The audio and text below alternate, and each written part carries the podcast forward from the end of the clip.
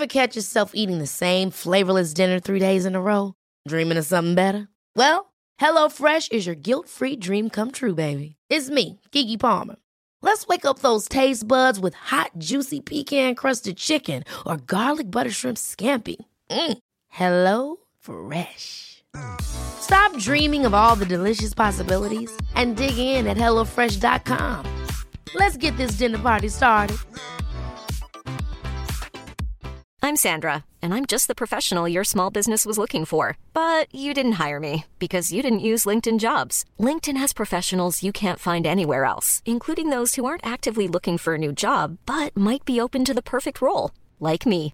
In a given month, over 70% of LinkedIn users don't visit other leading job sites. So if you're not looking on LinkedIn, you'll miss out on great candidates like Sandra. Start hiring professionals like a professional. Post your free job on linkedin.com/people today. A lot can happen in three years, like a chatbot may be your new best friend. But what won't change? Needing health insurance. United Healthcare Tri Term Medical Plans, underwritten by Golden Rule Insurance Company, offer flexible, budget friendly coverage that lasts nearly three years in some states. Learn more at uh1.com.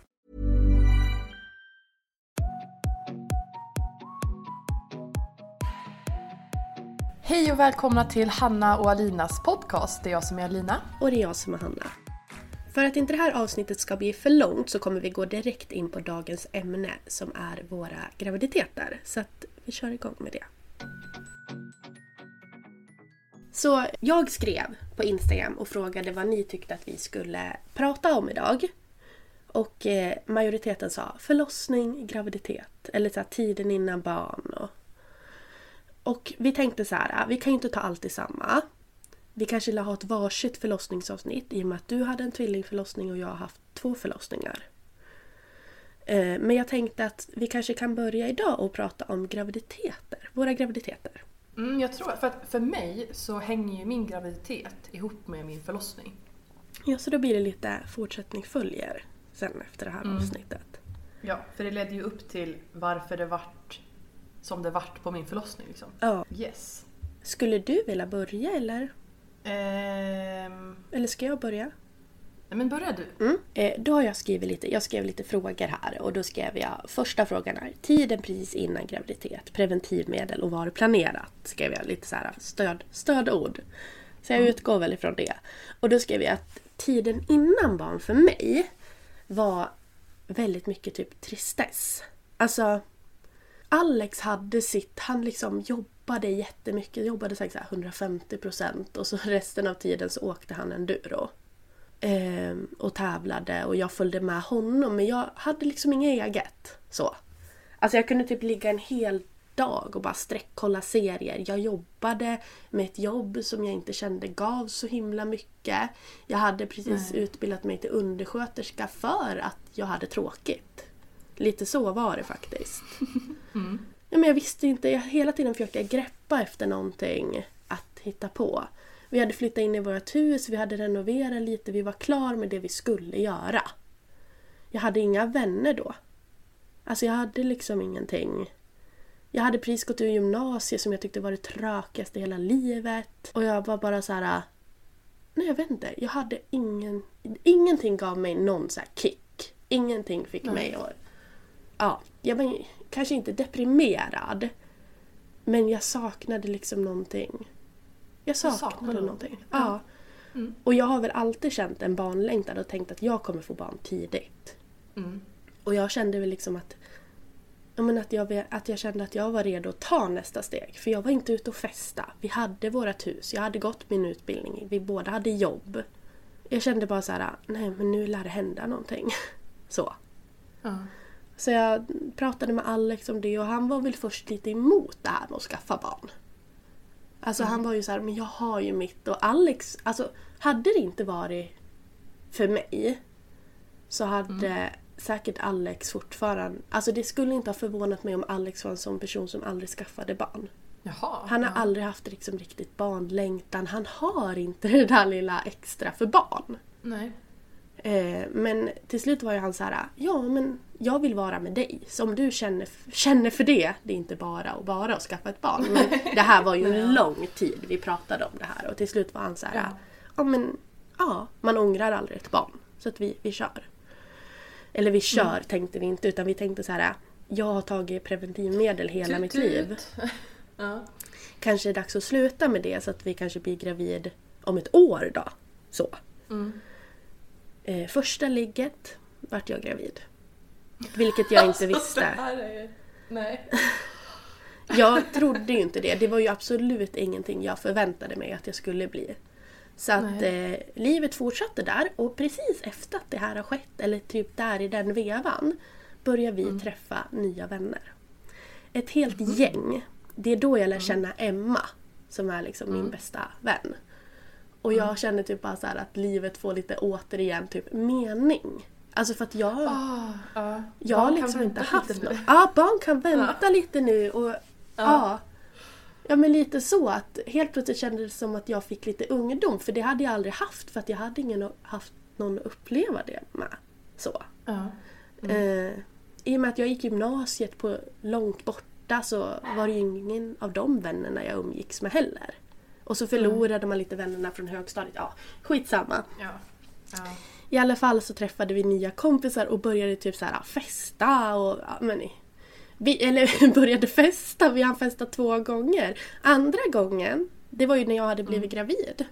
Och Mm. Ja. jag visste inte det och så vad heter det så bjöd de typ på tequila shots och grejer där, där vi var. Och jag bara, Mm. äh, fy fan alltså. Och jag är inte den som bangar på sprit. Utan jag brukar vara såhär, åh jättekul. Men jag kände bara, nej det där kan inte jag dricka, då- kommer jag kräkas liksom. Och jag kände hela tiden mig så himla låg. Till slut slutade det med att jag typ låg i någon säng där och bara vilade, typ kollade telefonen. Och jag kände typ så här. jag är deprimerad. Det är det som är problemet. Tänkte jag då. Ja. Eh, Det måste vara det är någonting som är så fel. Och så här, eftersom att jag hade haft sån tristess i livet så tänkte jag bara att ja, nu när jag träffar vänner jag tycker om, då kan jag inte heller ha kul, tänkte jag. Ja. Ja. och så eh, gick det ett tag, men till slut så kände jag typ så här, jag mår illa även när jag är nykter. Ja. Och den där bakfyllan där fast jag bara hade druckit lite grann, den var så jäkla illa.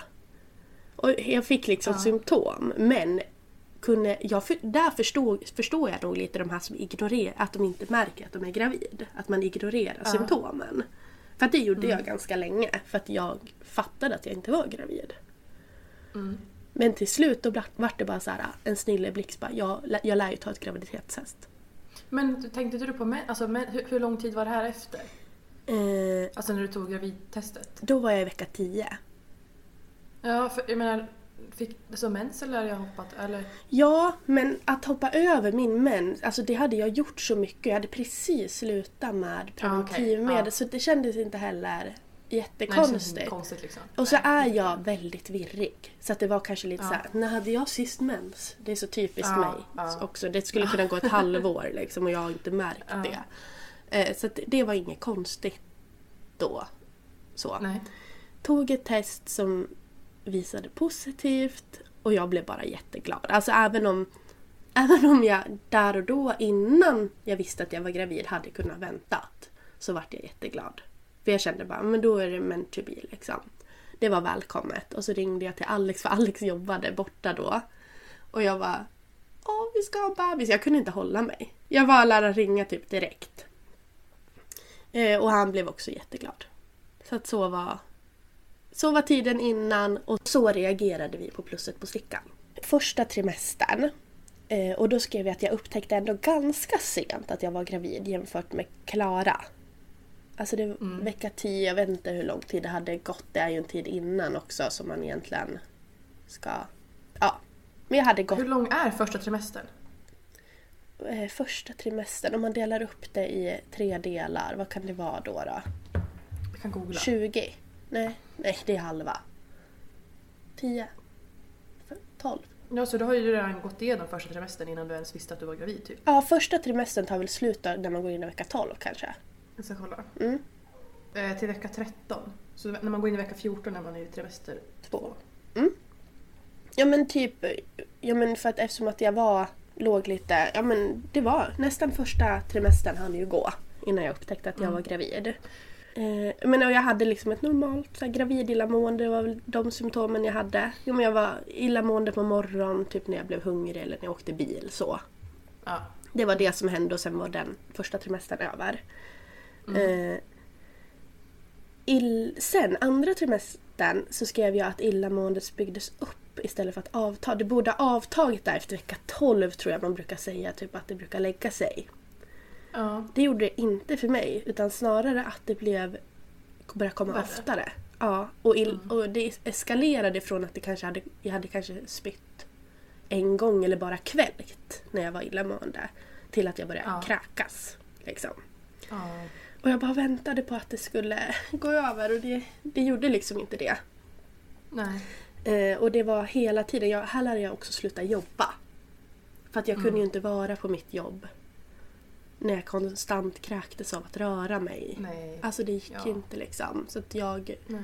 här slutade jag jobba, sen kom jag nog aldrig tillbaka. Jag gick in några gånger extra där men jag jobbade på ett jobb som, åh gud det hände så mycket då för att jag var gravid på mitt jobb. Så att till slut fick jag inte komma tillbaka av den anledningen att det var fara för det var en brukare där som var väldigt intresserad av min mage kan man säga. Okej, ja. Mm. Och eh, gud, här fick jag... Det kanske är intressant. Jag fick en... Ja men jag vart ju... Vad säger man? Inbokad på MVC. Inskriven heter det.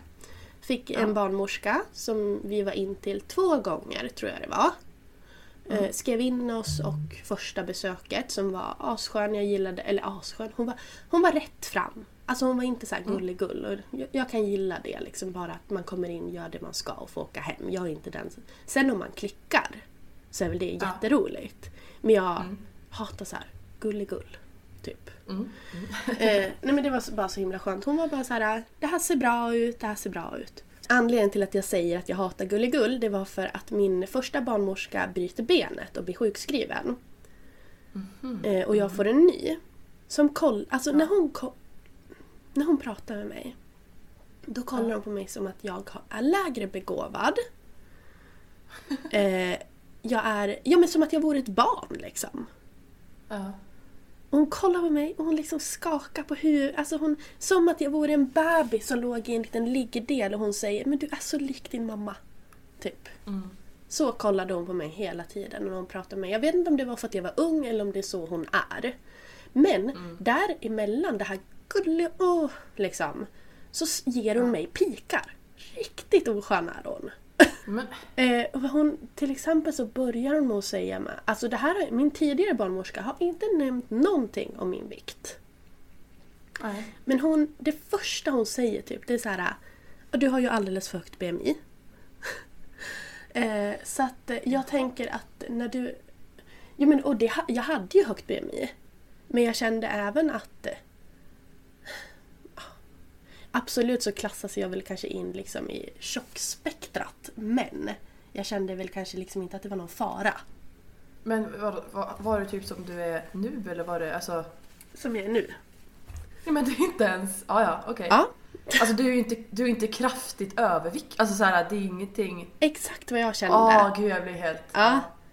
Ja men däremot så är mitt BMI högre men Men BMI är också Ja. bullshit. Det är sånt jävla bull... Jag blir så arg när folk tar upp BMI. Det är sånt bullshit. Men jag kände verkligen så, att du vet inte alls hur jag lever eller någonting. Nej. Eh, och jag kände inte heller att det var någon fara liksom, för min del om alla andra värden såg bra ut. Nämn det då. Ja. Men här börjar hon ge mig väldigt mycket tips på hur jag ska äta. Äter du, du äter väl vitt bröd till frukost typ? Börjar så ta för givet och jag bara nej. Jag, inte, jag äter knappt frukost typ.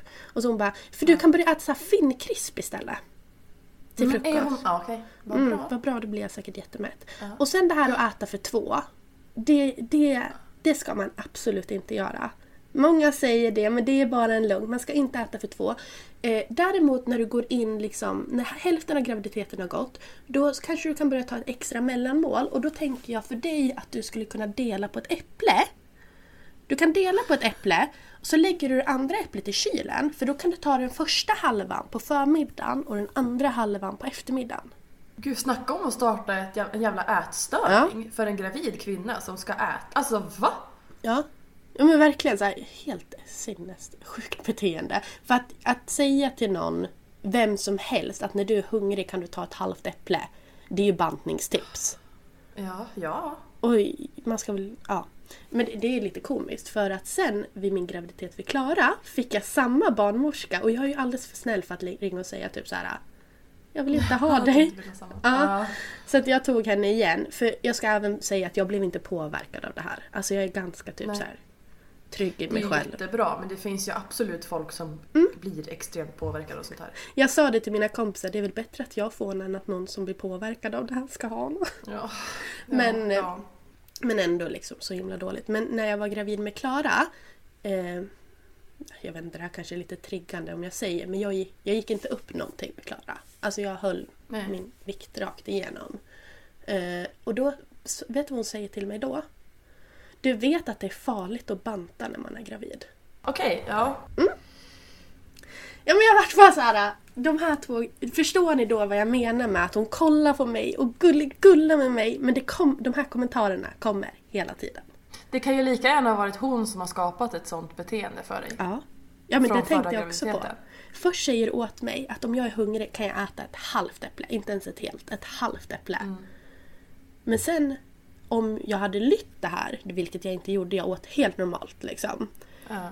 Och gått ner i vikt på grund av dina sjuka idéer som du sätter i mitt huvud. Då Mm. ska du säga åt mig att inte banta. Jag tror det är så farligt också när man, är, när man har första barnet och om man är ung. För att både du och jag var ju, var ju relativt unga när vi fick Mm. vårt första barn. När man inte vet någonting och sen så får man en sån barnmorska, det är jättefarligt tror jag. Alltså så här, Ja, jätteosunt. Man ska inte lyssna på det där. Ehm, men eh, ska vi säga hur gamla vi var när vi fick vårt första barn? För jag tror att vi var lika gamla va? jag var 21 tror jag. Och jag var också 21. Ja. Eh, nej men den graviditeten, jag vill bara nämna barnmorskan för att jag vet att många har fått lite såna här kängor ifrån barnmorskor. Ja. Medan vissa nämner de ingenting alls om vikten. Vilket Ja. jag kan tycka är mycket bättre. Ta då istället upp dåliga värden i övrigt. Ja, nej, åh gud. Ja. Så länge liksom allt såg bra ut så tänkte jag att hon kanske inte behöver trycka upp det i mitt ansikte. Nej. Eh, tredje trimestern så skrev jag att illamåendet går väldigt mycket upp och ner men det är fortfarande liksom kraftigt när det slår till. Men det var lite från dag till dag. Men jag hade liksom lite bättre dagar men i och med att jag kräkte så mycket vissa dagar så hade jag noll energi och sånt här fixa boa, fixa med barnrum och sånt. Det var ingenting jag orkade med den här förlossningen på grund av hur dåligt jag mådde med illamåendet. Ja. Så att jag, vi hade liksom inga barnrum. Eller, alltså jag, jag beställde grejer på internet. Fick hem, men det var, det var ingenting som fixades här hemma. Eh, så det var liksom ingen mys, mysgraviditet på det sättet. Utan ibland låg jag bara och stirrade in i väggen så här och bara... Fy. Men jag åkte in två gånger tror jag också på grund av minskade fosterrörelser.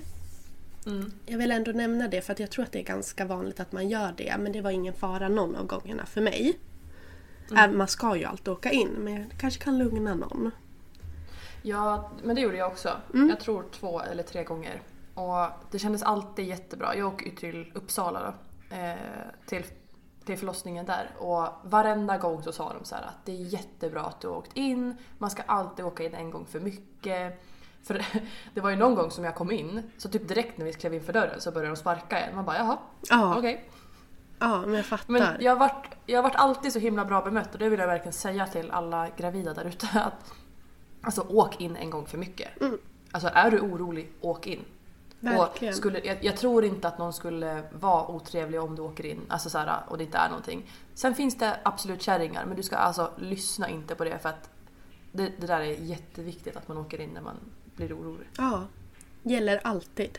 Ring, åk Ja. in. Alltså, Ja. vi, man har rätt till vård i. Sverige. Oavsett. Ja. ja. Så det tycker jag verkligen man ska göra. Men jag vill också säga liksom det att för oss, för mig var det liksom ingen, ingen fara. Och det kanske kan vara tryggt Ja, nej, att höra. inte för mig heller. Mm. Mm. Men jag tycker ändå att man alltid ska åka in. Men om man tycker att det är lite läskigt. Jag var ju en person som inte kände så mycket oro under min graviditet. Vilket Mm. jag har faktiskt aldrig hittat någon som inte har känt... mm, Alltså, men typ ingen jag känner har varit så lugn. Alltså jag kände liksom ingen oro för missfall. Eller... Alltså jag var väldigt typ bara så här. Alltså inte att jag gick runt och tänkte att om det blir missfall då... Alltså, utan mer att jag var typ bara ganska cool i hur det var. Och gick inte runt och tänkte på risker. Nej. Ehm, och det, jag vet inte, det är inte många jag kan hitta som relaterar till det. Jag vill också ta upp det. För att ibland har jag känt Ja. så här, jag kände inget riktigt band så till magen. Även om jag längtade efter det som komma skulle. Så var jag aldrig, jag vet inte hur jag ska förklara men vissa kanske också kan relatera till det. Och då vill jag bara också säga typ så här. Jag, när mina barn har kommit ut så har det, jag ändå liksom älskat dem och det har Ja, liksom ja, inte... ja. Men det var bara, alltså jag är så i ganska mycket. Jag går liksom inte att oroa Mm. mig så mycket i onödan. Så. Nej. Mm. Eh, och eh, ibland har jag känt typ så här, men gud det är något fel på mig. Så. Men, eh, men jag kände så. Kanske känner någon annan så. Att, men det, Ja. som, ni, Nej men ja. som jag har åkt in på grund av det här, då står det liksom tydligt att man, man ska ringa in. Och så har jag åkt in men jag har inte Ja. känt liksom typ så här, "Åh, nej tänk om något är fel. Utan jag har bara liksom typ, nu åker vi in och kollar, det är antagligen inget fel. Sen vet Mm, jag mm. att saker och ting kan hända men ja. Ja. Lugn. Trygg i dig. Alltså du kanske, ja. Jag vet inte, du var väl trygg i dig själv i, i, alltså, i att vara gravid. ja. Jag. Men så att om någon annan känner så så är det inget fel på er. Det betyder liksom Nej. inte att, att ni inte kommer älska era barn, för det är jag. Ja. Och sen skrev jag att, eh, ja, men att tröttheten var enorm. Noll oro poängterade jag här också. Och, ja. eh, ja, men det, jag, det gick ju liksom inte att borsta tänderna. Eller, ja, men du var ju också illamående, men du hade ju en annan. Ja. Men alltså, det, borsta tänderna var ju typ inte på tal. Tur, jag lämnade ju inte hem heller. Men liksom att borsta Ja. tänderna var ju en jäkla pina, kommer jag ihåg. Jag kunde borsta tänderna. Du kunde det? Kan, kan inte relatera. Nej, nej, för så fort jag liksom bara satt tandborsten i munnen så kräktes jag. Alltså jag kunde ju inte Ja. ens nudda tungan. Kräkreflexen var Ja. igång. Och jag eh, kommer ihåg att det, det enda jag åt var korv med bröd och smörgåstårta. Hela graviditeten. Åh, smörgåstårta! Mm. Åh. Och vi lagade gott. ingen mat själv tror jag hela graviditeten. Alltså typ ingenting. 99% av Nej. tiden var det korv med bröd, smörgåstårta. Korv med bröd lagade vi själv men ja, Ja. ja det var det. Ja. Men eh, du har ju en till graviditet. Ja. Ja, och det, det passar ju bra nu när jag dragit ut på tiden att säga att Klaras graviditet var... Mm. Jag mådde lite illa i början, men har man en tvååring hemma så hinner man inte riktigt kräkas tänkte jag säga. Nej, men, Nej, man hinner typ inte tänka på det. Nej. Alltså, det kan jag tänka. och den här graviditeten gick så fort och smidigt och jag kände mig liksom så fräsch på insidan. Alltså jag kände mig liksom så rörlig. Ja, jag hade Ja. lite lite så här heter det? När man har ont. Foglossning. Ja, jag hade lite foglossning hade jag. Men jag upplevde också att ja, det blev lite värre direkt när jag gick ut på typ promenader. Men jag upplevde att eftersom att jag mådde så bra i övrigt, kände mig liksom pigg i kroppen, så kunde jag fortsätta att liksom röra på mig mycket. För att det här var en Ja. period när jag faktiskt, alltså, ja men jag var väldigt inne i det här att jag, ja men jag gick ut på promenad, vi gick ut i skogen och jag upplevde att det minskade väldigt mycket av att jag rörde på mig. Mm. Vilket gjorde att det blev lite som medicinen typ när jag hade ont. Eftersom att jag hade orken till att gå ut och röra Ja. på mig. Så att, det- Ja, men att röra på sig är väl liksom botemedlet mot foglossning oftast. ja men det kanske det är. Men det är väl bara det att när man väl har så ont så brukar man inte Exakt. pall- palla röra sig liksom för att det gör så ont. Exakt. Och jag var liksom väldigt bortskämd med den här, den här graviditeten med att jag hade ändå fortfarande orken och inte så ont. Så att den här graviditeten, förutom lite foglossning, gick Mm. så smidigt för mig. Eh, Härligt. Ja. Men det var ju då även min barnmorska sa att jag inte skulle eh, banta. Mm. Men det var nog mer hon sa. Ja, varje gång jag var in där på slutet då var hon så här.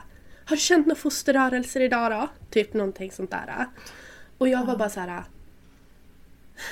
Jag har en tvååring. Jag har inte hunnit tänkt på det.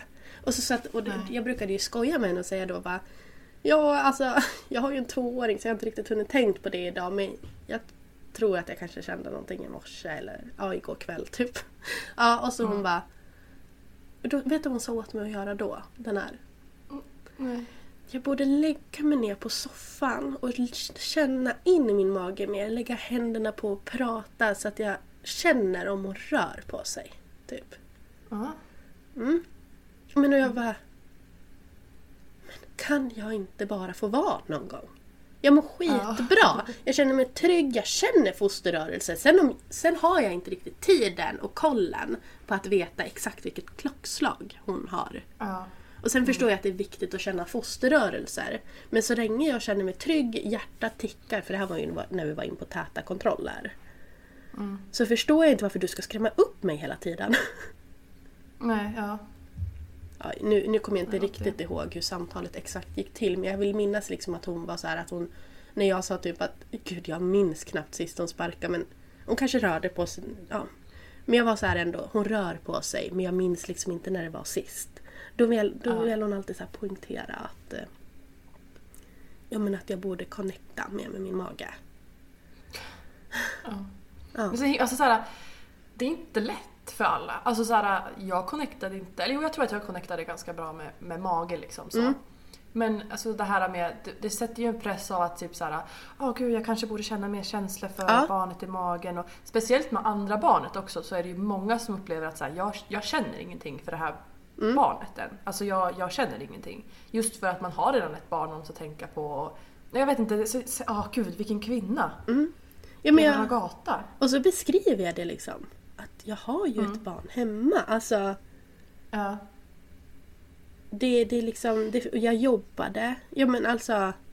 Jag har inte riktigt tiden att connecta och inte viljan riktigt heller. För att som jag sa i min första förlossning. Jag har inte varit en sån gravid mamma. Alltså, Nej. jag har inte varit den som har, jag har känt på magen och tyckt att det var roligt när jag sparkade ut en fot. Alltså så. Men jag har inte varit den som har lagt mig ner och känt in och pratat. Gulligullat liksom. Och, ja. Nej, det är inte jag. Och jag kände bara att, jaha, är det... Hon fick mig alltid att känna mig... Att Som jag... att det var fel. liksom. Ja. Och det här, det här var med flera grejer. Så därför är ju mitt tips också att byt barnmorska. Alltså det är så värt det. Jag ångrar ju nu att jag inte gjorde det. Varför skulle jag ha henne liksom? Ja, gud, man har ju verkligen rätt till att byta barnmorska. Ja. Hon var bara Ja. allmänt oskön och fattade inte mig. Vi drog inte jämt. Nej, verkligen inte. Nej. Nej men så att det var det och sen eh, fortsättning följer ju förlossningen då. Mm. Så att det, det var väl lite mer att berätta om Billis, alltså Klara, jag har inte... Jag har skrivit upp i en så här gravidbok. Typ vad som har hänt. Men allting är ganska jämnt igenom. Lite illamående i Ja. början, sen flöt det på och Ja. gick så fort bara. Ja. Eh, Jag hade ju förlossningsrädsla efter Billy, men det kommer ju också i nästa. Mm. ja, din förlossningsberättelse. Mm. Jag är, nu har jag fått höra lite, men jag är väldigt taggad på att höra just Billys förlossning. Ja, jag ska faktiskt ta fram papperna ifrån den så att jag kan kolla lite vad som står och sådär. Ja. Nej men din graviditet då? Innan? Vi ska se här. Innan, precis, tiden precis innan graviditeten, preventivmedel var det planerat. Tiden innan graviditeten, jag var, vi var typ som er. Vi var klara, vi hade ju vänner och sådär. Men det var samma sak varje helg. Vi festade hos någon, någon hemmafest och sen så liksom hela helgen och sen så jobbar man på veckan, i veckan typ. Och till slut vart vi så här. Ah, alltså, jag kände så här, jag, jag, för vi slutade typ festa för vi var liksom klara med det kände vi. Och då satt vi bara hemma och gjorde så ingenting. Jag kände, jag kände verkligen så här att jag behöver ett barn. Jag skulle lika gärna kunna vara hemma och ta hand om ett barn. Alltså, Mm, det var så, Så. jag kände också, jag behöver rutiner. alltså jag, ja, jag kan... jo, men, ja men jag kände det. Aha. Och, och eh, jag har ju alltid velat haft barn tidigt. Alltså så här, det har varit min stora grej i livet att jag ville ha barn. Eh, hade jag fått bestämma själv så hade jag velat skaffa ett barn direkt efter, eh, efter studenten. Ja. Eh, men jag hade ändå gärna att tänka så här, jag kanske borde jobba, vi behöver alltså, ha en bostad. ja men du beskriver ju exakt typ mig. ja. Ehm, och Simon har väl, alltså han har också alltid velat haft barn. Vi vart ju ihop när jag gick i ettan på gymnasiet. Mm. Eh, Så att vi har, jag har haft hela- gymnasiet med, upp, så här, med honom. Ja. Så vi var väldigt unga. Eh, men ehm, ja, vi båda två ville ha barn och sen så tog jag studenten, han tog ju studenten två år innan mig. Ehm, men då hade han, eh, han ägde en mack, eh, eller hade en verkstad och sådär. Så han var ju egenföretagare. Eh, och det var liksom inte time för honom att skaffa barn. För att han var aldrig hemma. Alltså, han bara jobba, jobba, jobba, jobba, jobba. Så att då, han ville inte ha barn då. Och det var ju som en så här, väldigt stor besvikelse för mig för att jag ville jättegärna ha barn. När vi hade köpt vår lägenhet då var jag så här, jag vill jättegärna ha barn. Och jag mådde väldigt dåligt över att jag inte... För det var som att jag var så här ofrivilligt barnlös för att Ja. min partner ville inte ha barn. Och då hade vi inte ens... Alltså så här, ja nej det var jätte, jättejobbigt och så var det folk runt omkring som fick så barn och... Ja. Nej, Du jag... beskriver ju typ Vad- exakt oss. Vi träffades ju också i ettan på gymnasiet och Ja. Alex var inte riktigt där. Jag kände mig Nej. jättedär redan direkt. Ja. Ja. Ja, nej men eh, det tog tid innan han gav med sig liksom.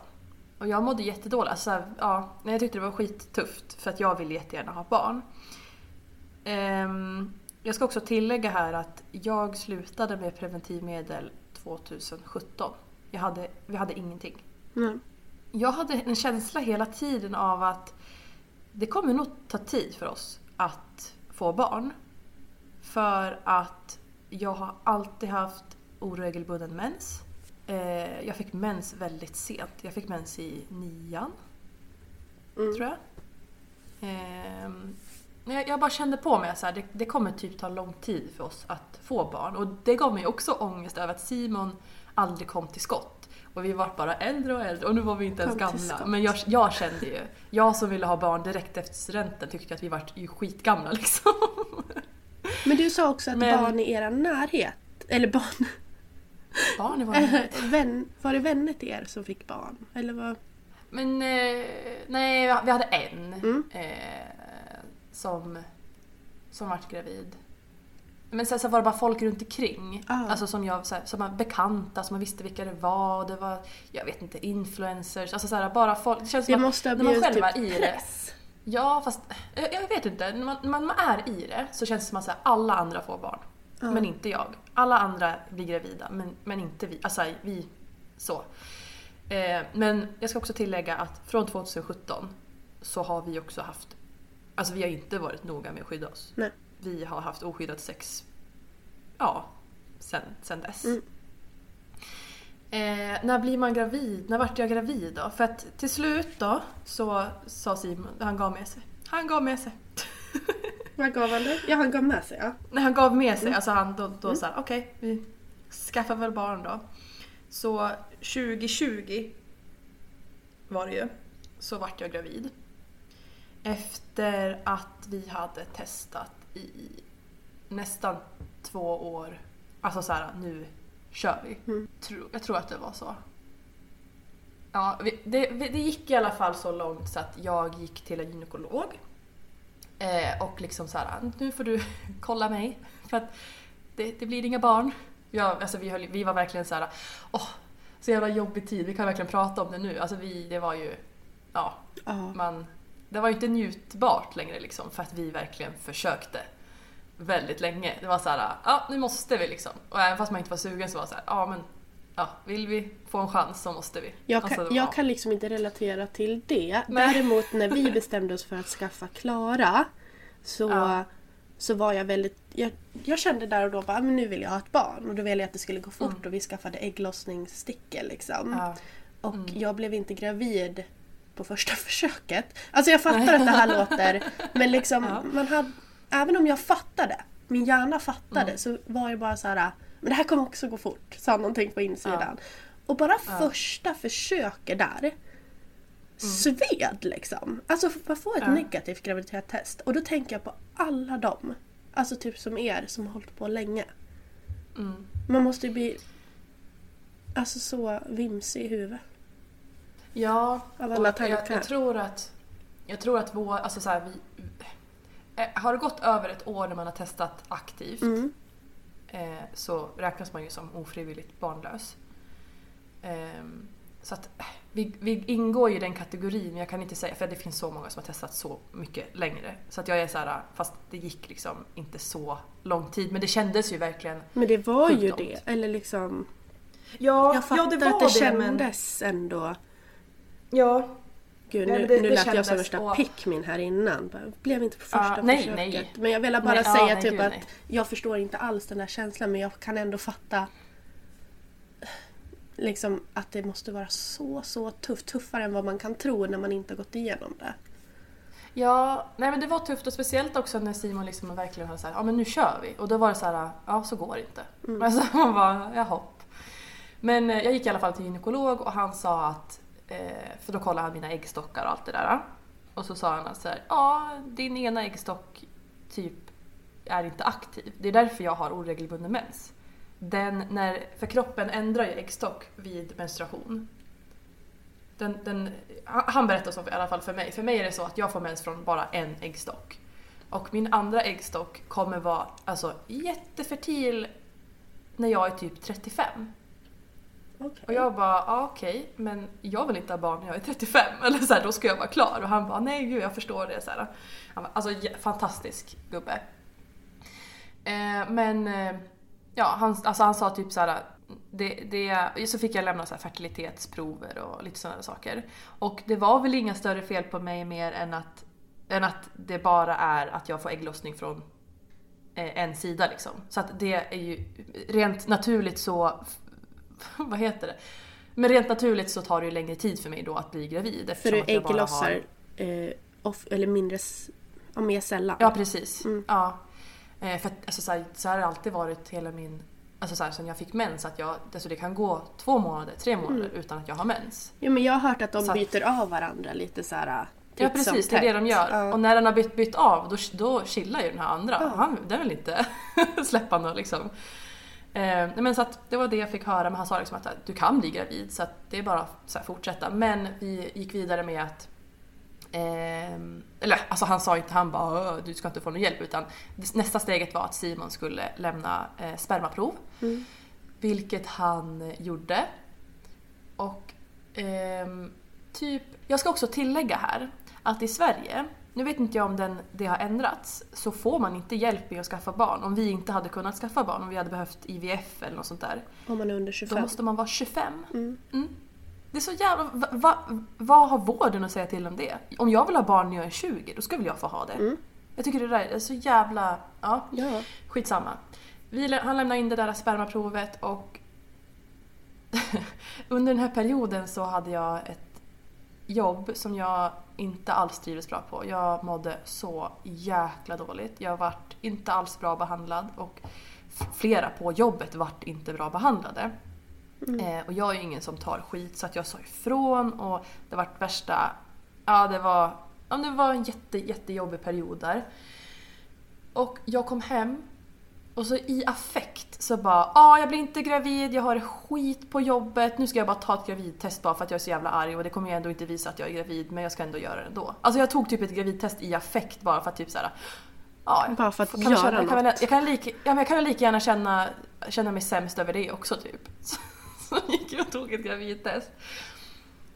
Och så var det, det var, ett, det var två streck. Nej. Men det var ett så himla svagt streck. Och jag bara, alltså ser jag i synen nu? För när man har tagit gravidtest så pass många gånger som jag har gjort så är det så här att man ser typ spökstreck. Alltså det är, man bara, man sitter, man står och kollar så himla länge och är det ficklampa och...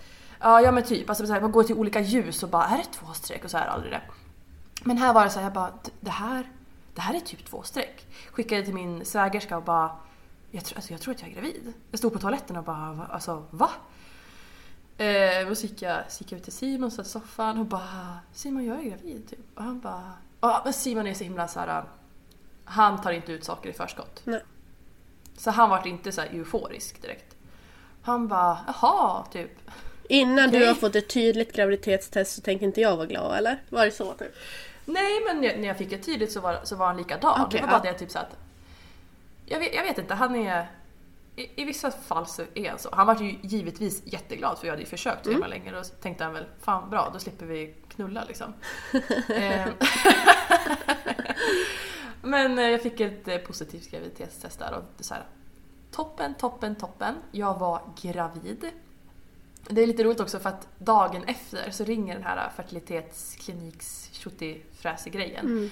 Och bara Hej, vi vill bara säga att spermaproven kom ut och det såg jättebra ut, typ. Jag vet, sa du Eh, då. Ja, jag bara jajamän. I mig nu. Hon bara, hon bara, hon bara "Åh!" jag bara, ja, fick svar igår. Hon bara nej, för de är så himla gulliga där för att de jobbar ju mycket med alltså sånt. Så de bara åh grattis typ såhär och ja, nej det var jättekul. Hon vart ju gladare än vad Simon vart om man säger så. Men ni, Alex är Eh. lite lika. Alltså som Simon. Ja. Han var bara såhär, "Ah, men kul. Typ.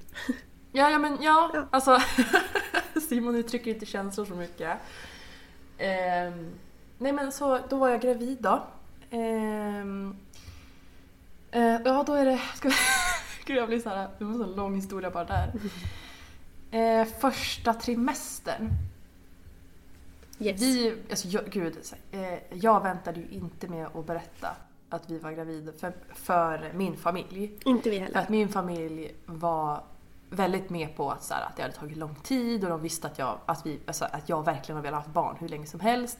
Men för Simons sida så hade vi, vi har inte, hade inte berättat någonting om det. Alltså att Simon hade lämnat spermaprov och liksom så här, att vi hade försökt väldigt länge och så här, det, Ja, vi- berättar inte, det kom inte naturligt att berätta för dem. Nej, fattar. Eh, mm, så att de berättade ungefär samma dag och bara "Ah, grejer typ. Men vi väntade i... Mm, vad var det? Sex veckor på att berätta för Simons... Eller var det vecka... Det var väldigt tidigt. Alltså vecka fem kanske. Mm. Berättade vi för, för dem och de var jätteglada. Eh, och vi skulle åka, jag kommer ihåg, vi skulle åka till eh, Malung och hälsa på Simons bror och hans fru. Och eh, vi så skulle vandra upp på något berg. Och jag var så trött. Andfådd och så trött. Där slog tröttheten in. Alltså jag, så här, sen vi kom hem på kvällen, jag bara, jag måste gå och lägga mig. Jag var jättetrött. Och, och den första trimestern var jag verkligen bara supertrött. Jag kände verkligen så att gud, jag orkar ingenting. Men i den här vevan med mitt dåliga jobb och sånt där så jag sa ju upp mig därifrån pronto. Och eh, började på akuten eh, i Uppsala. Mm. Då var jag i vecka sex tror jag. Jag bara, Och, eh, och min första dag på akuten tror jag att det var. Eller jag hann jobba typ två dagar. Och så var ja, någon dag in bara på min, på min eh, nya intro där. Så... För att jag hade jobbat eh, på en systeravdelning till akuten och så hade jag varit inne och hjälpt till väldigt mycket på akuten eh, innan. Så ja, men jag skulle, ja, jag var där och jobbade och jag började spy. Mm. Alltså jag, den, jag kommer ihåg jag var på jobbet, jag spydde alltså, fan sju gånger. Jag var bara tvungen att gå och spy och spy och spy och spy. Och det blir ju så Och mycket kom- värre också när man känner stress, när man lär röra sig. Alltså, Ja. allt det här ökar ju illamåendet så sjukt mycket. Ja, nej men så att jag fick, eh, jag fick gå hem.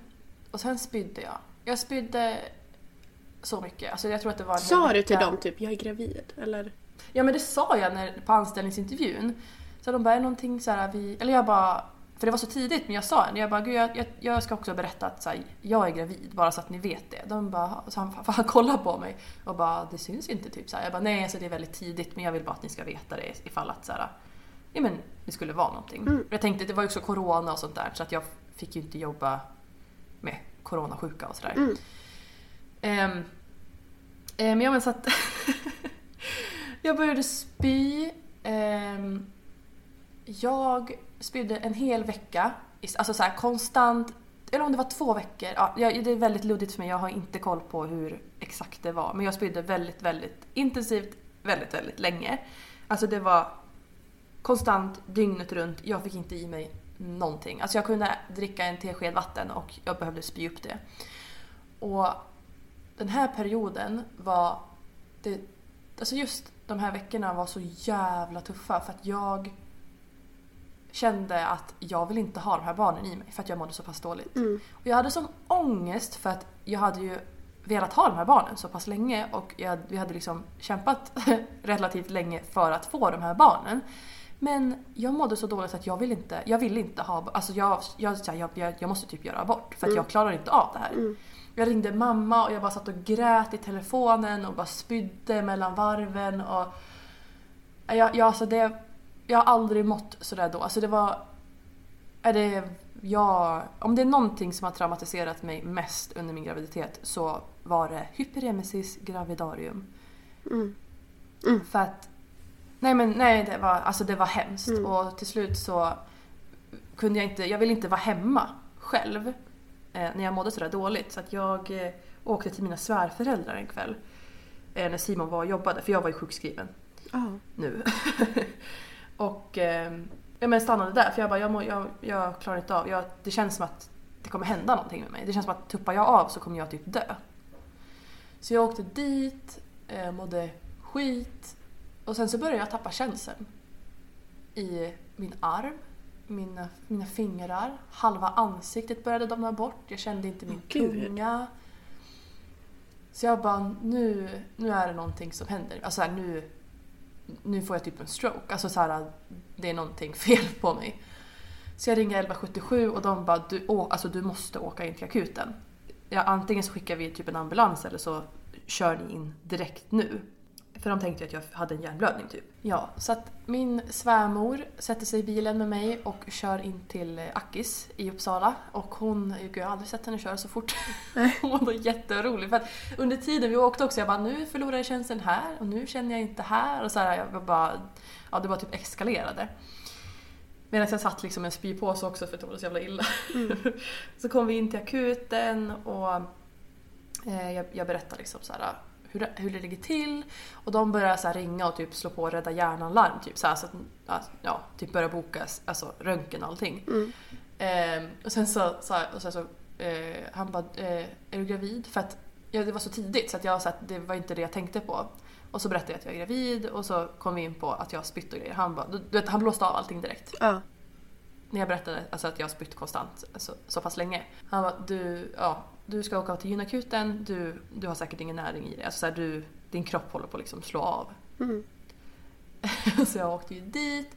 Jag mådde så dåligt, jag fick ligga på en liten brits där inne och vänta och alltså bara spydde livet ur mig fast jag inte hade någonting att spy med så jag kom bara galla liksom. Ehm, och så fick jag, alltså det var mitt i natten också, fick jag så, här, tralla, så kom det en läkare och bara men vi ska göra ett ultraljud på dig. Eh, jag tror att de kopplade dropp också på en gång. Eh, för att få i mig näring liksom. Och här hade ju Ehm. din svärmor åkt hem för det var corona eller? Ja, gud ja. ja, ja, men ja. Man fick inte Så du var ensam? Simon var hemma. Ja, jag var helt ensam. Och Simon var hemma liksom. Det, alltså, man fick ju inte ha med sig någon. Eh, så fick jag knalla in helt såhär, man känner sig så, alltså jag känner mig så liten. Jag känner mig så fruktansvärt liten och ynklig och ja usch, jag mådde så dåligt.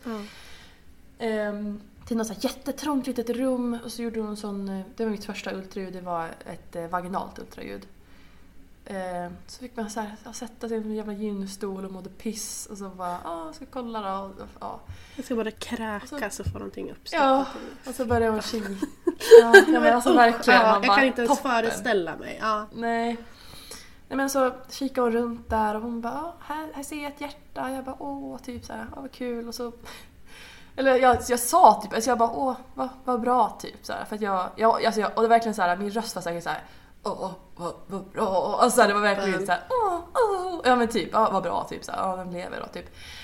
Och så gräver hon runt lite till och så bara "Åh, här har vi ett till hjärta typ så här. Och jag bara Jaha, typ såhär, åh, så här, vi har faktiskt pratat om det typ såhär. Och hon bara, va? Har ni pratat om det?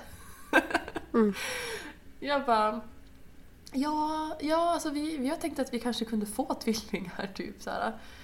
Och hon var, man såg på henne att hon var så här jättebesviken över min reaktion. För jag tror, hon är väl säkert van vid såhär, åh är det sant? ja, Typ. eller Jag typ bara, åh nej! Ja, ja men typ. Och jag bara, jaha, åh vi har ju typ pratat om det, vad kul. Typ såhär. Ja. Hon bara, eh, okej. Nej men så det visade sig vara två. Jag eh, var inte någon såhär ufo, alltså såhär, jag mådde så dåligt. Ja, Ja, man kanske inte ens hinner riktigt tänka. nej, så hon lämnade. Alltså såhär, ja, så var det klart så. Det såg ju fint ut. Eh, så fick jag gå tillbaka till mitt rum. Eh, ringde Simon och bara ja det, det är tvillingar typ. Och han bara va? Typ. Han tänkte Så, bara, ja. han, det enda han kunde koncentrera sig på det var typ att du nästan höll på att få en stroke där liksom. Och du bara, Ja, men det är typ, tvillingar. Ja, fast han är typ inte så orolig heller av sig. Han är typ lite som dig tror jag. Ja, jag tänkte säga det låter ju som att Simon och jag hade varit väldigt känslokallt par. Ja, ja verkligen. Det Mm. tror jag. Men, ehm, nej men så här, ja, nej, men så berättade jag det. Jag berättade för min familj. Min, mamma och pappa var såhär, gud, ah, ah, woho, woho." Vi väntade ju med att berätta, wow! Nej men de var jätteglada. Och mamma sa, hade ju sagt det, hon bara, jag sa ju det! För att det hade synts ganska tidigt på mig med så här, mage och grejer. Mm. Undrar om det här var i typ vecka åtta, vecka nio, åtta, nio. Så det är först, fortfarande första trimestern, så de var ju bara verkligen små pytteräkor på ultraljudet. Men eh, sen vart jag inlagd eh, på BB, tror jag vi fick ligga. Och, eh, Hade de tagit några liksom, prover här på dig då så att de såg? Ja, gud ja. Jag var ju helt... Alltså Mm. jag, det var, såg inte bra ut. Nej, nej. så det, eh, nej, det, jag hade jättedåliga värden och sådär. Ja, men jag vart inlagd på BB, var där inne och lå, m- mådde jätte, jättedåligt. För att de fick, de, jag fick ju fasta ännu mera. Eh, för att typ så återställa kroppen. Så jag fick fasta och bara fick dropp. Och för mig att vara hungrig gör ju så att jag också blir illamående. Så det var bara så här, ah, nej det var skitjobbigt. Men jag, eh, eh ja, men jag fick vara där, jag låg inne i några dagar och sen fick jag åka hem för då kunde jag, hade jag behållit maten lite. Så fick jag åka hem och jag mådde ju fortfarande illa och liksom spydde och hade mig. Eh, Men jag, jag, var inte, jag behövde inte åka in fler gånger och få dropp. För att jag hittade typ sätt att ändå behålla det lilla jag fick behålla liksom. Efter det. Och eh, så gick jag också eh, två gånger i veckan på akupunktur. Eh, hos mina barnmorskor. Berätta mer, för att jag har ju tänkt på det vid många tillfällen i mitt liv. Ja, nej men eh, när man går på ak- akupunktur för illamående så får man en nål på ena, på varsin handled. Mellan de här två benen som man ser, om man viker ner handleden så, så ser man ju två stycken, Ja. eller man kan känna, man kanske inte ser. Mellan dem tror jag att man sätter eh, en varsin nål. Och sen sätter man också en nål typ mellan eh, ögonbrynen. Mm. Och så får man ligga i typ en timme. Gör det ont när de sticker in nålen? Nej, nej gud nej. Nej. Det kan rycka lite ibland om de kommer åt en nerv liksom. Eh, men det gör inte ont. Så det gjorde jag. Alltså, det här är också fun fact. Det här är så jävla sjukt. Men jag vart ju glömd med de här nålarna i flera timmar. Va? Va? Ja. Och så vill man inte Ja. heller säga, är ni klar? Gå ut med en nål i pannan. Men jag var, jag var själv i ett rum. Hade ingen larm Förlåt eller att jag någonting. skrattar. Ja, nej, nej men det, det är, det, här, det, det kommer sjukare, alltså det kommer sjukare. Så till slut när jag hade legat där i typ två timmar, två och en halv timme, jag bara, nej men nu får jag ta ut de här själv. Så att jag, jag tar ut dem det, och då rinner det, det rinner ju blod så här. Och jag har bilder, jag kan nästan lägga ut på, på, på våran Instagram hur jag såg ut, det jag hade tagit ut. Och så, jag kommer ihåg, eh, så gick jag ut därifrån eh, med nålarna i någon liten så här, eh, grej. Så, här, så gick jag till henne och bara Hej, jag går nu. Och hon, och hon kollade på mig som att hon hade sett ett spöke. Ja, för hon kommer på. Shit, ja, hon kommer på du. att jag, shit, ja, jag har glömt dig. Och hon bara nej gud, nej förlåt. Och hon skämdes så fruktansvärt Ja. mycket. Och jag är så här. Jag, alltså, jag tog inte, alltså, jag var inte arg eller någonting. För att så här, Alltså misstag kan hända, herregud. Alltså jag var så här, det är ingen fara. Alltså jag tog ut dem själv, så här, "Nu, jag går hem nu. Alltså, hon bara förlåt, förlåt, förlåt. Men man förstår ju Gud." henne, men jag hade nog varit Ja. som dig, att bara det, det är lugnt liksom. Ja, nej men alltså så här, jag verkligen, jag, det var jättefine. Ehm, och så gick det, och så gick jag några gånger till och sen så hade jag, för att jag fick, hade olika barnmorskor. Eh, så det var de som hade tid liksom att göra det, som fick bara göra det. Eftersom att jag gick två gånger i veckan. Eh, Ja, man gjorde det här igen. hos, eh, alltså typ på MVC eller? Ja, Mm, Okej. man fick, ligga, i- man fick ligga i ett rum liksom så här. Men Ja. så hade jag henne igen, hon som hade glömt mig. Och så, så sa vi det, bara, så här, du får inte glömma mig igen. Så hon bara, gud jag ska inte glömma dig. Alltså det var verkligen så här, ah, Alltså gud det, roligt misstag. jag bara tänker dig gå ut där och bara jag, hallå här ligger jag och så har du nål i pannan och... Ja, nej men så jag hade henne igen då. För Ja. nu kommer det, nu kommer det. Nu Jag kommer det! Igen. Nu kanske du, nu kanske hör vad det ska komma. Glömmer hon Jag lägger mig där inne igen. Eh, hon sätter nålarna. Och det går. Det tar tid. Det kommer ingen. Hon kommer inte igen. Hon har glömt mig igen. Men gud, hon kan ju Eh, inte så att- må bra tänkte jag. Nej, Nej, nej det kan hon inte göra. nej. Nej men så att hon, eh, och jag, jag ligger och ligger och väntar och väntar. Det går väl säkert tre timmar igen. Så, att, eh, så till slut så tar jag ut dem liksom. Och samma sak igen, lite, lite blodbad liksom. Och, och så går jag och letar efter henne. Men Får jag bara ställa en sjuk Mm. fråga här kanske? Men när du ligger här, ligger du bara och blundar? Sover du eller lyssnar du på någon podd eller vad Jag satt på poddar, för eftersom att man har nålar i handlederna Ja, så måste jag ju vara still med handlederna. mm. Så det är jättesvårt att röra på. Speciellt första gången för jag visste inte hur jag kunde röra på mig. Man kan ju inte sitta och pilla på telefonen eller någonting. Nej, för jag låg ner med nålar liksom i pannan och i handlederna.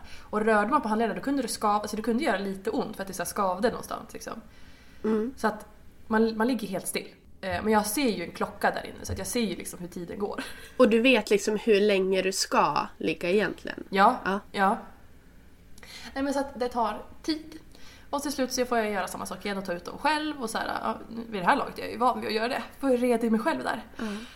Eh, Men så letar jag efter henne då. Och hon... Jag hittar henne inte. Det är ingen Nej, kvar. nej. Det här var sent på sent liksom. Så att eh, de har ju stängt. Alltså de Va? har gått hem allihopa. Mm. Det är ingen kvar. Alltså jag är så intresserad. Berätta. Ja, nej men så att då åker jag bara hem. Alltså jag kan Du, inte säga du kommer ut? jag har- Ja, jag kommer ju, ja men eh, alltså Det är inte vårdcentralen är låst. fortfarande Ja, öppen. okej, Men mm. barnmorskorna har ju, alltså de har ju gått hem liksom. Mm. Jag hittar ingen barnmorska. Eh, nej men så att jag åker hem. Och eh, när jag är hemma, när jag har varit hemma ett tag så, här, så, så, så ringer min barnmorska. Nej. Eh, och Men då har hon varit typ och hämtat Nu, får jag bara Ja. pausa här. Hade du tänkt höra av dig? Nej. Nej. Du hade bara tänkt låtsas Alltså jag, hade tänkt, alltså jag, jag åkte ju ändå dit så pass många gånger så jag hade bara tänkt att här, säga det när jag var där nästa gång. För att jag var där två gånger i veckan. Och så här, Ja. Nej men jag, jag hade inte nummer till henne, Nej, nej. alltså hennes privata nummer. Nej. Hon hade ju åkt hem. Nej, jag Alltså, fattar. ja. nej men så hon ringde mig alltså privat från hennes telefon. När hon så här, hade hämtat barnen, hon var ju på väg hem. Mm. Och bara Alina, förlåt. Jag kom på nu att jag, hade, jag har ju glömt dig.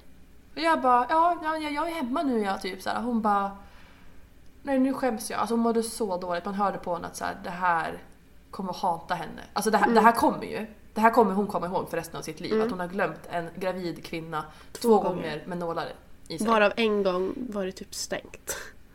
Ja. Att hon, då hade hon åkt hem. Hon hade literally liksom glömt bort mig. Hon hade åkt ifrån mig. Men alltså Eh, hennes liv men- måste ha varit så stressigt. Alltså Ja. fattar en gång det är mycket att göra att man glömmer då. Men liksom Ja. andra gången man åker hem. Mm. Hur mår Nej hon men hon liksom? sa, hon berättade, ja men hon berättade det så att jag, ja, jag så här, ja men hon, hon, hon var ärlig med här, jag, ja, ja det är inte mitt bästa just nu liksom så här, och Hon hade precis börjat på vårdcentralen där, innan hade hon jobbat på förlossningen i Gävle. Mm. Eh, jag tror inte hon trivdes bra på, på Jaha, hon trivdes MVC. inte där. Jaha, på MVC. Jag tänkte jag på tror- förlossningen i Gävle. Ja. Jaha, nej, nej det, det här kommer ju också sen. Mm. Eh, det är lite roligt. Jag kan säga det redan nu för det ingår ju lite i... Nej, det kan jag säga för att det har ju med min graviditet att göra fortfarande. Skitsamma. Får jag bara fråga en sak? Eh, som inte behövs ta med. Vad heter hon? Ja. Jag har ju jobbat lite där. Jag kommer, inte, jag kommer inte ihåg, jag kan kolla upp det sen. Eh, för jag, jag kommer inte ihåg vad hon hette, men jag kan absolut kolla upp vad, hon, vad hon hette. ja men det var ju lite fun fact, nu har tiden runnit som fan och jag är bara fortfarande på första trimestern. Så nu ska jag försöka eh, speeda upp det lite. Jag är i alla fall sjukskriven.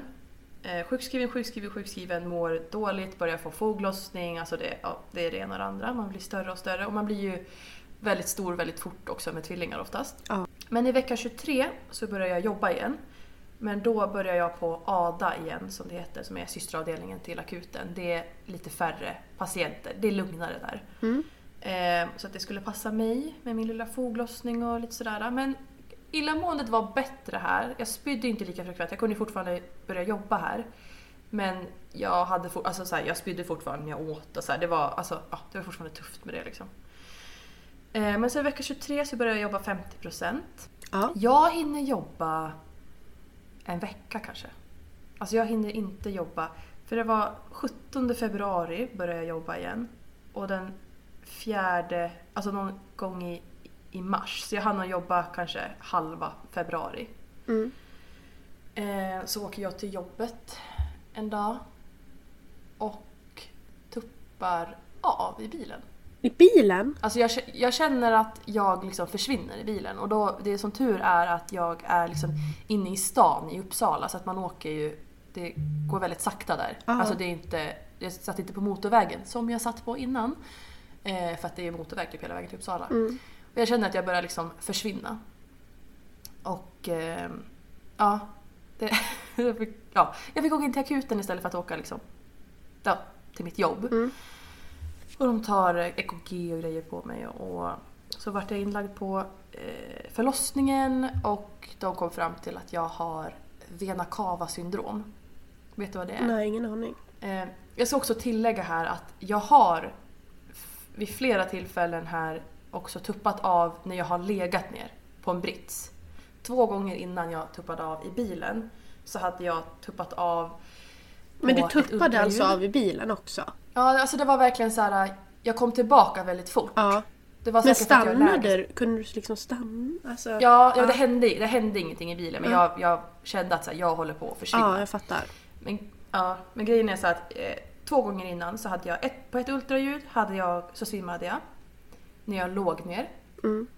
Eh, och liksom försvann. Och sen så hade, svimmade jag också eh, en gång när de gjorde sån här med, med doppler, vet, l- lyssna på hjärtat. På Mm. Men det här var ingenting du hade känt av innan? Det kom här? Det började där i bilen eller?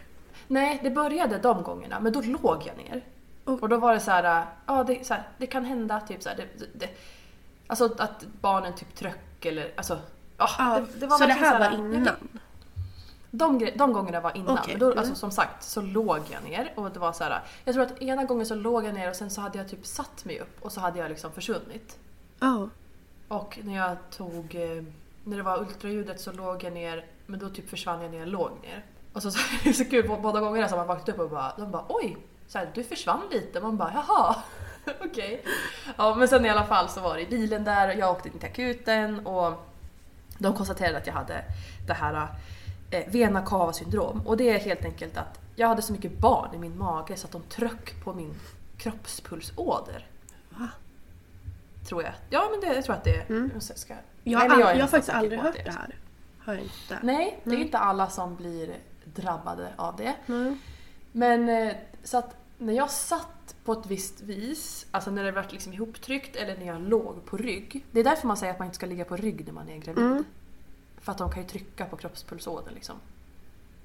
Så ja, men då tuppade jag av för att så här, blod, jag vet inte, det är väl säkert någonting med blodflödet att så här, jag får inte tillräckligt mycket blod upp i, upp i huvudet. Eh, så att jag fick typ inte, ja. Så att jag hann inte jobba mycket alls förrän jag vart sjukskriven igen för att så här, jag ska inte köra bil för att du kan tuppa av när du kör bil. Ja. Jag körde fortfarande, liksom, jag fick inte körförbud. Jag, så jag kunde köra typ, jag körde typ till ICA och sånt där. Eh, och typ tänkte på, jag satt och lite sådär men jag skulle inte köra långt. Och grejen var så att jag hade så himla... kanske? Nej, och jag hade sån himla foglossning och så här, jag mådde inte bra. Egentligen så skulle jag bara fortsatt vara sjukskriven för att jag mådde inte bra. Det är bara hur jag är som person. Att så här, nej, jag ska ändå jobba. Men jag Alltså, tänkte säga det, jag gav ju upp där redan vid illamåendet. Jag var såhär, jag kan inte springa och kräkas på jobbet, det kommer inte funka. Ja. Och du bara, du hittade ett annat jobb som passar. Ja, ja, men, ja, eh, nej, men, ja, det är så typiskt mig. Och grejen är så här, när man är gravid med tvillingar, så hon på eh, Försäkringskassan sa ju det. Hon bara, men du ska inte jobba. Så här, att, var hemma. Vi, vi vill att du ska vara hemma. Och jag bara, nej jag ska testa. Men efter det så vart jag i alla fall sjukskriven. Alltså så här, då var det, nu är du hemma tills du, Tills du föder. tills du föder. Ja. Eh, Så jag lunkade på där hemma och vart stor som ett hus. Och sen i vecka 31 så började jag få prematura verkar. Ja. Min mage, och jag vart såhär, alltså min mage vart som en ko, alltså den var så hård och jag bara "Vad- nu är det något fel. Är, visst, är det ganska vanligt med tvillingar? Ja, ja. Alltså allting jag har berättat nu är vanligt med tvillingar. Alltså, Är det så? Är vanligt. Ja, det, Ja. det är ju en, hö, alltså en högriskgraviditet. Så att det är jättevanligt att få komplikationer. Det är jättevanligt att få hyper, hyperemesis och det är jättevanligt att få alltså, vena cava och Känns som att allt blir dubbelt och- liksom. Ja. Ja, jo men de sa det när jag, var, alltså, när jag kom in för, när jag spydde så mycket. De bara, ja, nej men du har två barn så det blir oftast dubbelt av liksom, det blir dubbelt så illa typ. Man bara, ja, toppen, tack för peppen. Ehm, nej men så att i vecka 31 så måste vi åka in. Eh, och här har vi redan packat vår förlossningsväska för att eh, när man är gravid med tvillingar så man, man får väldigt mycket info. Och det man verkligen får är så här, packa förlossningsväskan tidigt. För att det är också väldigt vanligt att barnen kommer för tidigt. Så att ja, vi åkte in. Och eh, ja, alltså så här, jag fick komma in på förlossningen. Det var verkligen så här, nu, hej och hå. De så här, försökte stoppa upp mig med, så här, de stoppade lungmognad i, alltså spruta in lungmognad för barnen och försökte stoppa mina verkar. Det var verkligen så här, nu, nu kommer de typ. Ja. Jag var så himla beredd på att de skulle komma men De var lite typ såhär, vi håller dem inne i några dagar till i alla fall om det går. Typ. Ja. Ja. ja. Eh, alltså, eh, Nio kom ner och, och, så, så här, och presenterade Ja. sig och visade typ så här. Jag fick sådana eh, små sprutor som jag skulle samla in typ mjölk i och så här, börja typ stimulera tuttarna. Och, alltså, så här, Det, De ni var var verkligen beredda förberedda på- här på att nu kommer de ja, komma ja, ja, så, här, nu ja, eller inom några dagar. Ja, verkligen. Och eh, ja, här var jag liksom orolig.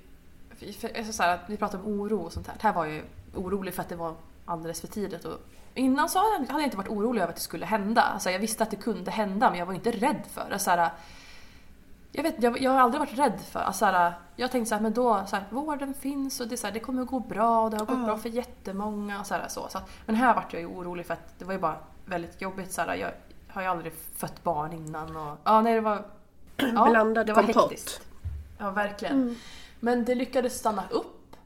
Så då fick vi... eh, och efter, jag tror det var efter tre dagar, eller om det var, jo men efter tre, fyra dagar på, i Uppsala så kommer de och säger att så här, vi har inte plats på Neo så ni måste byta sjukhus. Okej. Så, så vi bara, så okej, så här, var, vart är det Gävle? Eller så vart ska vi hamna då? Och de bara, ni ska åka till Falun. och, vi- och vi bara, okej, ja ja, eller så här, visst.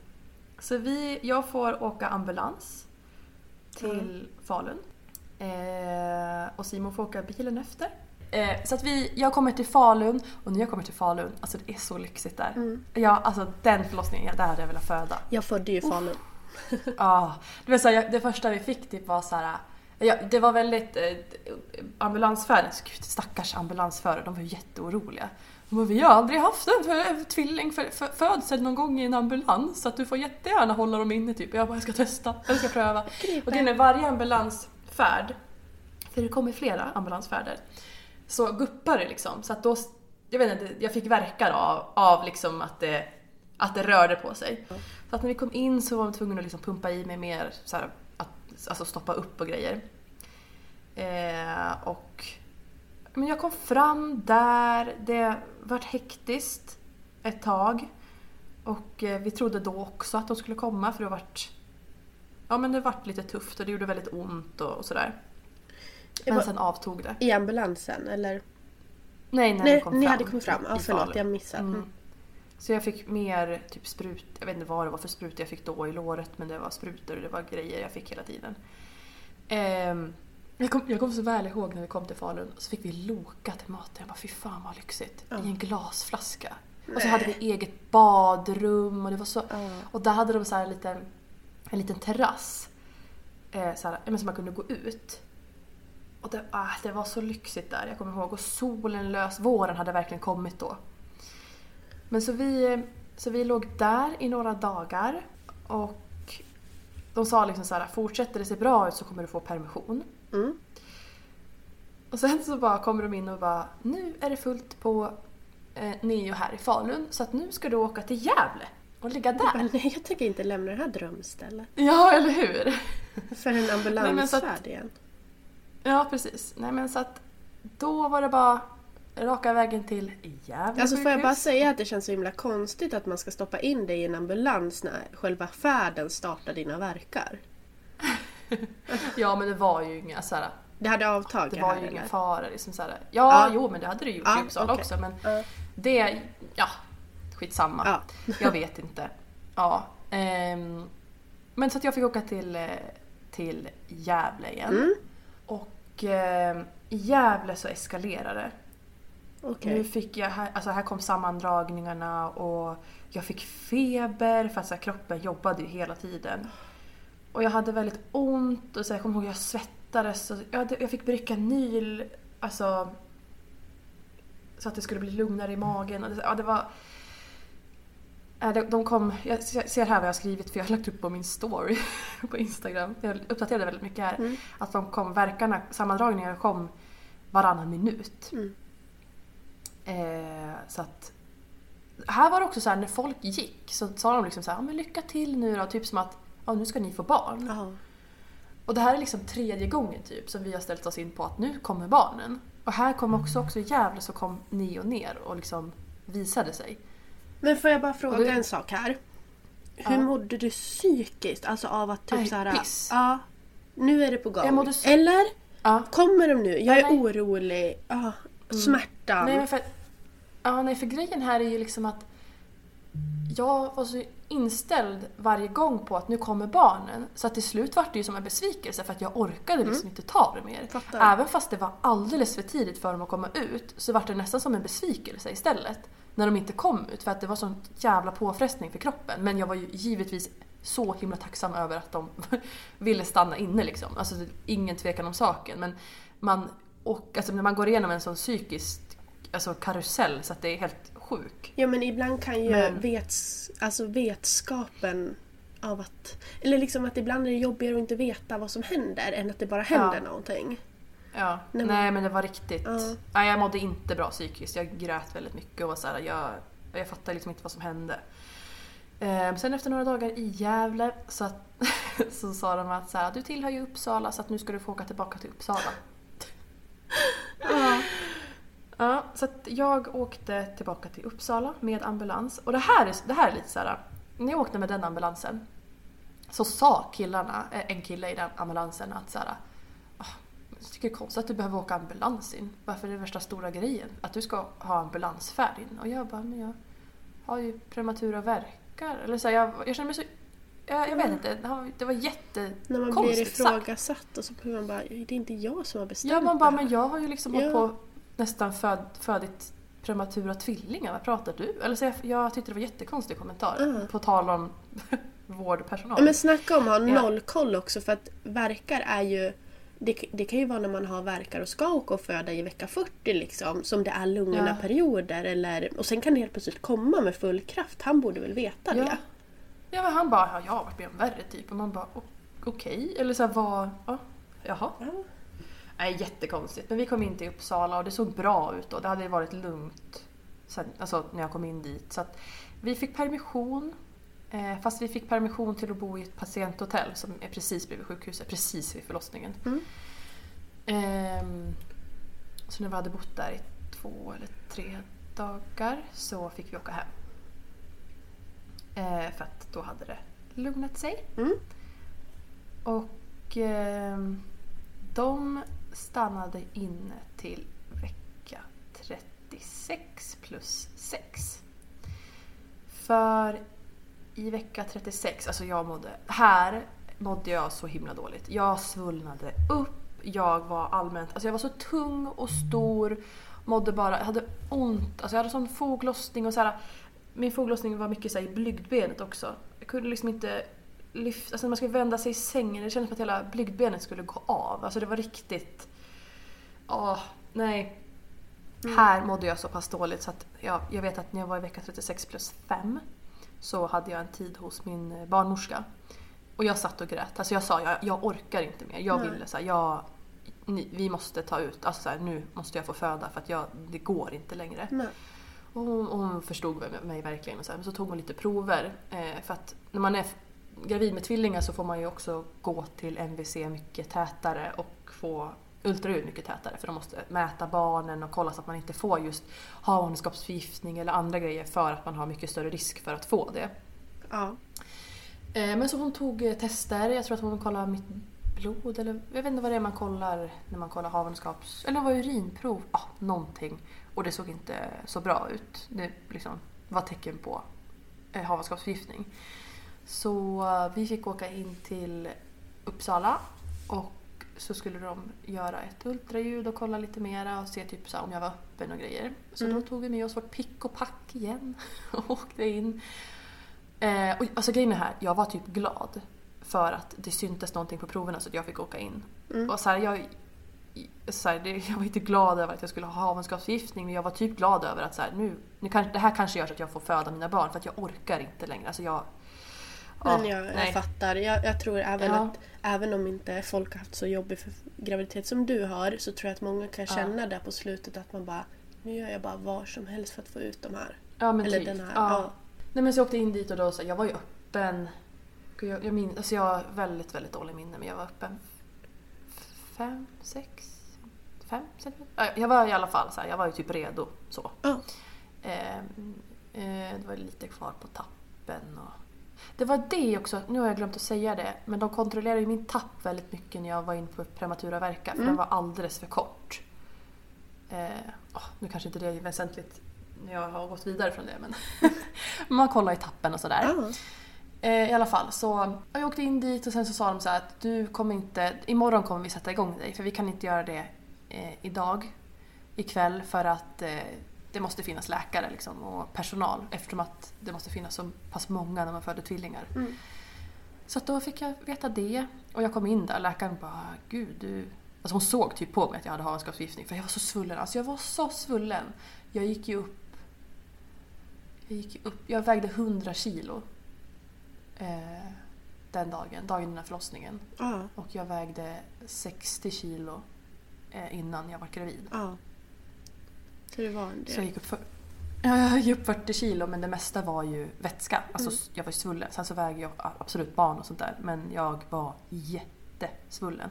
Och den här dagen, kvällen och så morgonen därpå så eskalerade verkligen havandeskapsförgiftningen. Alltså jag gick, jag gick in i spegeln och bara, jag kände inte igen mig själv. Alltså jag var så svullen. Alltså när man ser bilder efter man bara herregud, människa. Jag ser, jag ser inte ens ut som mig själv. Mm. Eh, och mådde, jag mådde inte bra. Eh, och ja, så, så fick, vart jag igångsatt och det är en annan historia. Ja, där började det. Nej men det var väl våra, eh, våra graviditeter. Ja. Och jag tror att vi lär avsluta här. Gud vi ville verkligen avsluta. Det Ja. blir ingen Hannas stund, Nej. ingenting. För att nu har vi spelat in i två timmar. Undrar hur långt det här avsnittet blir. Så vi eh, avslutar här och så säger vi tack för att ni har lyssnat och så hörs vi nästa gång. det gör vi. Tack så mycket. Tack och hej! Hej hej.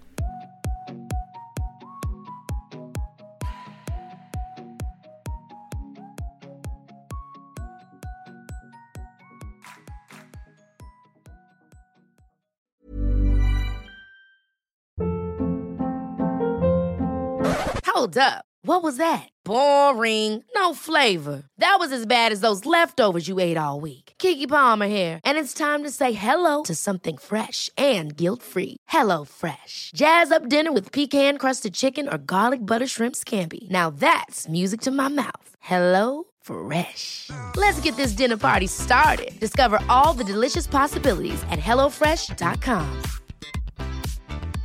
Even when we're on a budget, we still deserve nice things. Quince is a place to scoop up stunning high-end goods for 50 to 80% less than similar brands. They have buttery soft cashmere sweaters starting at $50, luxurious Italian leather bags, and so much more. Plus, Quince only works with factories that use safe, ethical, and responsible manufacturing. Get the high-end goods you'll love without the high price tag with Quince. Go to quince.com slash style for free shipping and 365-day returns.